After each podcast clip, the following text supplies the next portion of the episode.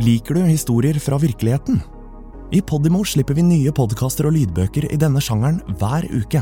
Dokumentarer, personlige historier og true crime. I denne spillelisten kan du høre et utvalg av våre mest populære titler. Podimo. Podkast og lydbøker i én og samme app.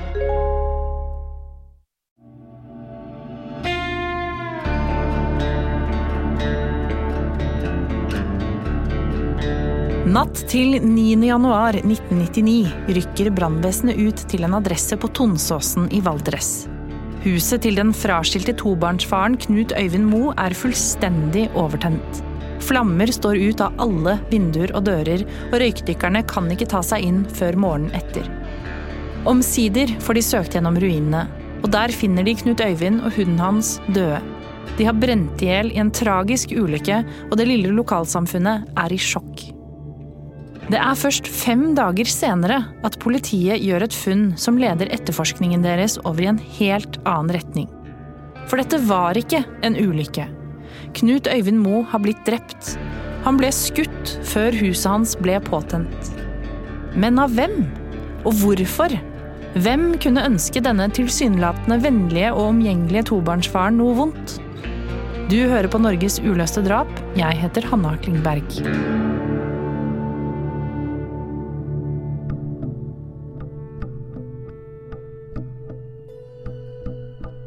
Tonsåsen er en stillferdig bygd i Etnedal kommune i Valdres, og ligger en halvtimes kjøretur fra Fagernes. Langs bygda går fylkesvei 33, som er en nesten 150 km lang strekning som går fra Eidsvoll og ender ved Bjørgo ikke langt fra Tonsåsen. Fylkesveien er ofte travel, men nå, midt på natten den 9. januar 1999, er det ikke mange som er ute og kjører. Klokka er rundt kvart på tre, og det er mange minusgrader ute. Ingen har foreløpig fått med seg at det har begynt å brenne i et gammelt hus langs veien. Huset er et gammelt kafébygg som har blitt omgjort til en enebolig. Hele trehuset står i brann, og når noen endelig oppdager det og ringer brannvesenet, står det flammer ut av alle vinduene. Brannvesenet kommer til boligen bare et kvarter senere, og nå har brannen tatt seg gjennom taket. Varmen er så intens at røykdykkerne ikke kan ta seg inn i huset. Men Tonsåsen er en liten bygd, og mange kjenner mannen som bor der. Folk hører om brannen og frykter at Knut Øyvind Moe og schæferen hans Janka befinner seg i huset. Det viser seg dessverre å stemme når politiet finner levningene etter Moe og Janka i ruinene. De har blitt slukt av infernoet, og bygda er i sjokk. Knut Øyvind var en godt likt fyr. 34-åringen hadde jobbet som gartner og drev med aromaterapi fra hjemmet sitt. Han hadde også tilhørighet i pinsemenigheten på Fagernes. Men bak alt dette lå en trøblete fortid og et samlivsbrudd som førte ham til Tonsåsen. Hvem var egentlig Knut Øyvind Moe?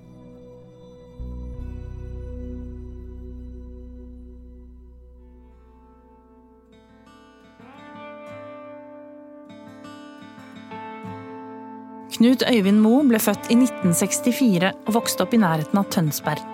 Som barn fremstår han som en glad gutt som er god i idrett. Og i Tønsberg Blad 26.2.1972 sto seks år gamle Knut Øyvind Moe oppført som førsteklassegutten med best tid på Brattås skoles skidag. I august 1991 gifter Knut seg. Han og kona flytter til Valdres, hvor de bosetter seg på hennes familiegård.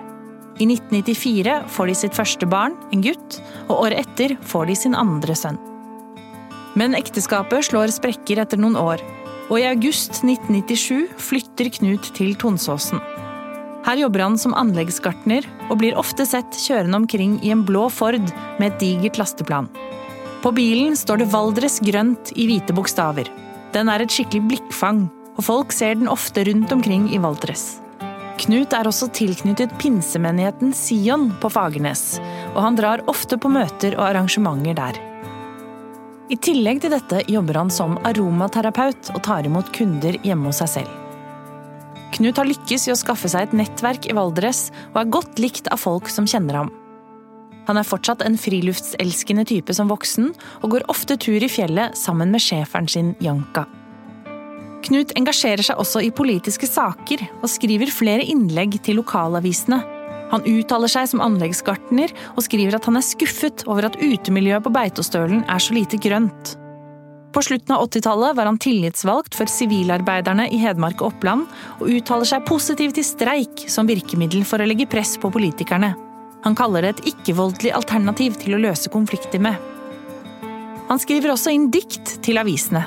Et av dem heter Fri flyt og står på trykk i avisa Valdres den 25. august 1994. Veit du egentlig hvor godt du har det? Merker du at skya di er rosa der du ligger og nyter tilværelsen? Eller har du det så godt at det hele bare flyter? Ja, det er skjønt å leve, og det er du som velger det. Hele veien er det ditt valg. Du må aldri la deg lure til å tro du får det bedre på kunstig vis. Nei, hold deg til melk, du. Så går det deg godt. Veslegutten min. Mens Knut fortsatt bor sammen med kona, sender de inn en klage til kommunen for å forsøke å stoppe utbyggingen av en pelsfarm på nabotomta til gården de bor på. De mener at lukta fra revepelsen kommer til å bli så intens at den vil ødelegge livskvaliteten deres. En annen ting vi vet om Knut Øyvind Moe, er at han hadde rusproblemer rundt de sene tenårene eller tidlig i 20-årene. Politiet har også antydet at Knut var involvert i kriminalitet på denne tiden. Men i 1999 skal han for lengst ha kommet seg ut av dette, og skal ikke ha hatt noe mer kontakt med mennesker fra disse miljøene på minst åtte år. 8. januar 1999 er en fredag. Knut Øyvind Moe spiser middag på en kinesisk restaurant, før han drar i et selskap hos noen venner i pinsemenigheten på Fagernes. Senere, nærmere midnatt, kjører han en venninne hjem til der hun bor på Leira, før han selv drar hjem til Tonsåsen. Det er en gang etter dette at en ukjent person eller personer kommer hjem til Knut, skyter ham, tenner på huset og så forlater åstedet. Når brannvesenet og politiet endelig kan ta seg inn på den nedbrente tomta for å gjøre undersøkelser, er den ledende teorien fortsatt at dette er en tragisk ulykke. Etter en stund finner de levningene etter Knut og Janka, og så oppdager de noe i kroppen til Knut. Et prosjektil. Knut har blitt skutt og drept, og sannsynligvis var han allerede død da brannen startet. Hei! Har du lyst til å høre mer som denne podkasten, men helt reklamefritt? Da vil jeg anbefale deg å laste ned Podimo-appen for en gratis prøveperiode. Ikke bare finner du kvalitetspodkaster innen alle sjangere, men også flere av de mest populære lydbøkene. Alt sammen i Podimo-appen. Politiet endrer fokus i etterforskningen. Det har nå gått hele fem dager siden brannen, og politiet jobber mot tiden for å finne ut om noen i nærheten kan ha sett eller hørt noe. De etterlyser vitner som kan ha sett Knut kjøre i lastebilen sin den aktuelle kvelden og natten, mellom halv elleve og kvart på tre. Men bortsett fra noen sporadiske observasjoner kommer det ikke så langt med dette. Det er ingen som har sett eller hørt verken skudd eller kamp. Politiet finner ingen spor etter gjerningspersonen heller, med unntak av kulen i kroppen til Knut og en strikket genser fra Kubus. Denne genseren finner de like ved åstedet. Den kan neppe være Knut sin, for den er i feil størrelse, og ingen som kjenner ham, har sett den før. Fordi genseren ble funnet såpass nærme huset, lurer politiet på om den kan tilhøre en gjerningsperson. Yrkessjåføren Heine Skyvulstad melder til politiet om en observasjon han gjorde den natten. Han så en mann gående langs fylkesveien midt på natta, på vei mot huset til Knut rundt 200 meter unna. Dette skal ha skjedd rundt halv to om natta.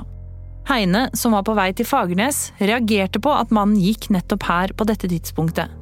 Det finnes ikke fortau ved veien, og det var svært kaldt, mørkt og glatt. Heine merker seg at mannen er mørkkledd og holder en pose i hånda. Og idet Heine kjører forbi, snur mannen seg bort fra ham med hele kroppen, som for å skjule ansiktet sitt. Denne mannen blir svært interessant for politiet, og de går ut med en etterlysning av ham, men han har aldri meldt seg. Det er observert fem ulike biler i nærheten av huset den natten som politiet ikke klarer å gjøre rede for.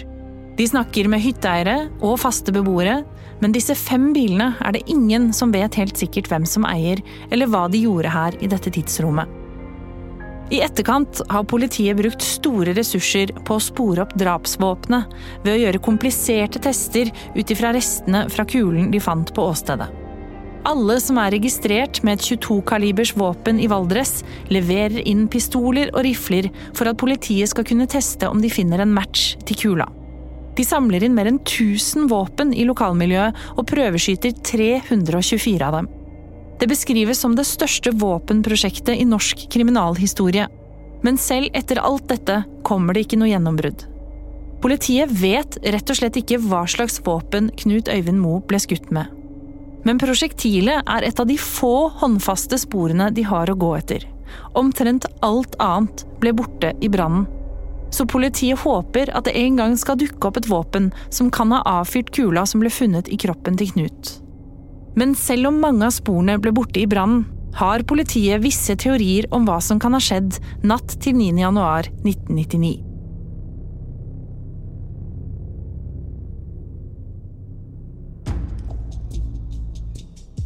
Politiet mener at Knut Øyvind Moe ikke forventet besøk denne natta, men at han kan ha kjent den som drepte ham. Knut ble funnet i undertøyet, så politiet tror at han gikk og la seg etter at han kom hjem fra selskapet. Så, en gang etter midnatt, kommer det noen til det gamle kafébygget på Tonsåsen. Politiet tror at Knut står opp, kanskje etter å ha hørt lyder eller banking på døra. Så tar han seg ned trappa til gangen, hvor noen skyter og dreper ham, og kanskje også hun Janka. Etter dette skal gjerningspersonen ha brukt lang tid på å tenne på huset, mener politiet. Det finnes visst tegn på at han eller hun som har drept Knut Øyvind Moe, oppholdt seg i huset en liten stund før brannen. Men hva kan ha vært motivet for dette drapet? Det vi vet, er at Knut skal ha tilknytninger til et kriminelt miljø i perioden han hadde rusproblemer. Det finnes ikke så mye informasjon om denne tiden, eller hva slags kriminelle handlinger han skal ha vært innblandet i, men politiet understreker at dette ligger langt tilbake i tid. Knut hadde vært ute av disse miljøene i åtte år. Kan han fortsatt ha hatt ubetalt gjeld fra denne perioden? Nok til at noen ville oppsøke ham og presse ham for pengene, og så gikk det galt? Eller var drapet en ren hevnaksjon for noe som skjedde den gangen? Politiet har også lurt på om dette kan ha vært et sjalusidrap, men heller ikke dette har de klart å komme til bunns i. Kan Knut ha innledet et forhold til en kvinne som ledet til at noen ble sjalu? Kan hans aromaterapivirksomhet spille inn i sjalusimotivet? Enkelte i politiet mener at det kanskje kan ligge noe der.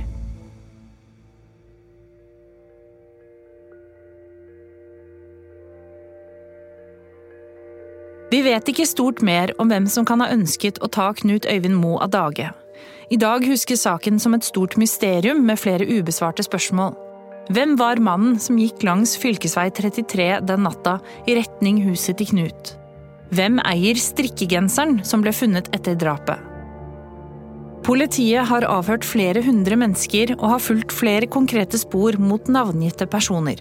De har fått mange tips som de har sett på som interessante og sjekket ut, men ingenting har ført til en siktelse i saken. I dag står det bare rester igjen av grunnmuren til det gamle kafébygget på Tonsåsen der Knut Øyvind Moe bodde. Saken har blitt mer enn 23 år gammel, men verken familien til Knut eller politiet har gitt opp å løse gåten. De håper at ny teknologi skal kunne føre til et gjennombrudd i jakten på drapsvåpenet og det er heller ikke utenkelig at det finnes noen som er villig til å endelig fortelle om det de vet. Det har skjedd flere ganger at gamle saker blir løst som følge av et enkelt gjennombrudd, som Kristin Juel Johannessen-saken, også fra 1999, og drapet på Egil Tostrup Bråten fra 2002. Begge sakene ble oppklart rundt 15 år senere. Det er altså mulig å en dag få svaret på hvem som drepte tobarnsfaren Knut og hunden hans, og hvem som brant ned huset deres i Valdres. Men per i dag vet vi ikke stort mer enn vi gjorde i januar 1999.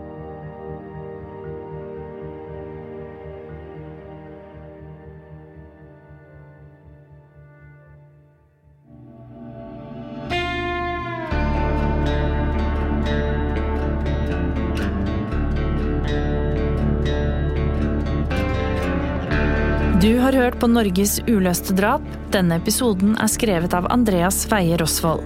Lyddesigner er Olav Nedberge. produsent er Andreas Veie Rosvold, og programleder er meg, Hanna Klingberg. Takk til diktleser Odd Syse. Norges uløste drap er produsert av både og ved Stian Letessier, eksklusivt for Podimo.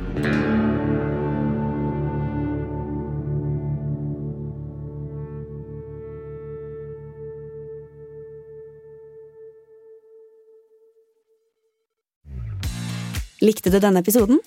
Så del den, da vel. Fortell en venn hva du hører på, og gi følelsen av god lytting i gave til noen du bryr deg om.